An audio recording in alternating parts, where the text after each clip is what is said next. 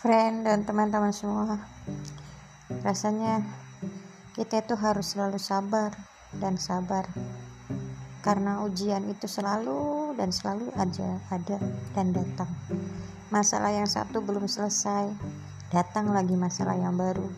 Kadang masalah itu malah bertumpuk-tumpuk sampai bikin sakit kepala seolah-olah di dalam kepala kita itu gejala kelistrikannya seluruh otak yang ada urat syaraf yang ada itu mengalami seperti korslet korslet kecil gitu ya. Bikin kepala kita berdenyut-denyut sakit aneh ya.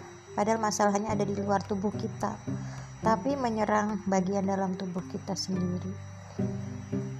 Cuma satu yang harus kita sadari bahwa kita nggak boleh berputus asa dari rahmat Allah karena setiap masalah itu adalah ujian dan kita nggak akan diberi ujian kalau melewati batas kemampuan kita dan Allah itu memberi ujian supaya kita itu bisa menunjukkan apakah kita tetap beriman, tetap percaya kepadanya atau kita malah menyalahkan Tuhan. Tuhan, kenapa saya dikasih masalah seperti ini? Ya Tuhan, kenapa saya harus begini? Kenapa si A begitu? Kenapa saya begini?